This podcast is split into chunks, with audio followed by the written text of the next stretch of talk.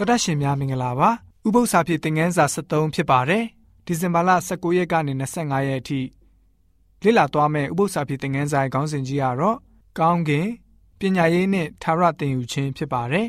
ဖတ်မဲ့ကျမ်းချက်တွေကတော့ရှင်ဟန်ခရစ်ဝင်ခန်းကြီး3ငွေ16ရှင်ဟန်ဩရစာပထမဆောင်ခန်းကြီး9ငွေ73တိမောသေဩရစာပထမဆောင်ခန်းကြီး1ငွေ16ကောရိန္သုဩရစာပထမဆောင်ခန်းကြီး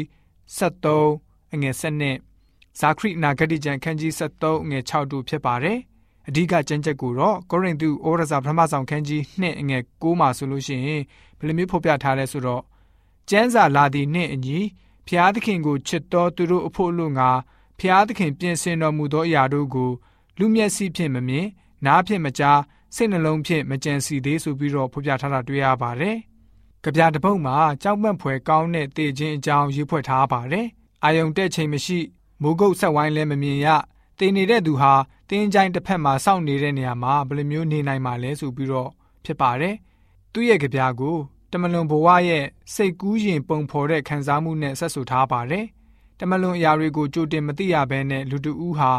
ဘယ်လိုမျိုးကြိုတင်ပြင်ဆင်နိုင်မှာလဲ။အကြောင်းတင်ပြီးတော့တမချန်းစာကနေကျွန်တော်တို့ကိုကောင်းကင်အရာအကြောင်းတွေကိုဖော်ပြပေးထားပါတယ်။ကဘာတစ်အကြောင်း ထာဝရစိုးစံရာအချိန်မှာဆက်လက်တင်ယူရမယ့်အရာများစွာရှိတဲ့အကြောင်းကိုကြိုတင်ဖော်ပြပေးပါတယ်။သုံးလပတ်တိုင်းမှာကျွန်တော်တို့ဟာတမလွန်ဘဝရဲ့စိတ်ကူးရင်ပုံဖော်ခြင်းအကြောင်းတွေကိုလေ့လာခဲ့ရပါတယ်။ယခုလက်ရှိဘဝအသက်တာ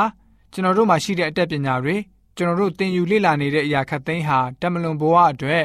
ကြိုတင်ပြင်ဆင်မှုပြုစေတဲ့အရာတွေပဲဖြစ်ပါတယ်။အချုပ်ပြောရမယ်ဆိုရင်တော့ကျောင်းတော်တိုင်းမှာကောင်းတဲ့ပညာရက်ကိုသင်ကြားပေးနေပါတယ်။ တမိုးရှိတဲ့လက်တွေ့သင်ခန်းစာတွေကိုသင်ကြားပေးနေပါတယ်။သို့တော့စကြဝဠာပညာရဲ့အလုံးစုံကိုသင်ယူရရှိနိုင်တော်လဲပဲအသက်ဝိညာဉ်ဆုံးရှုံးခဲ့မယ်ဆိုရင်ဘာအကျိုးရှိမှာလဲ။အခုတစ်ပတ်မှာတော့စစ်မှန်တဲ့ဘွဲ့ဒီဂရီအကောင်းဆုံးကိုပေးနိုင်တဲ့အကြောင်း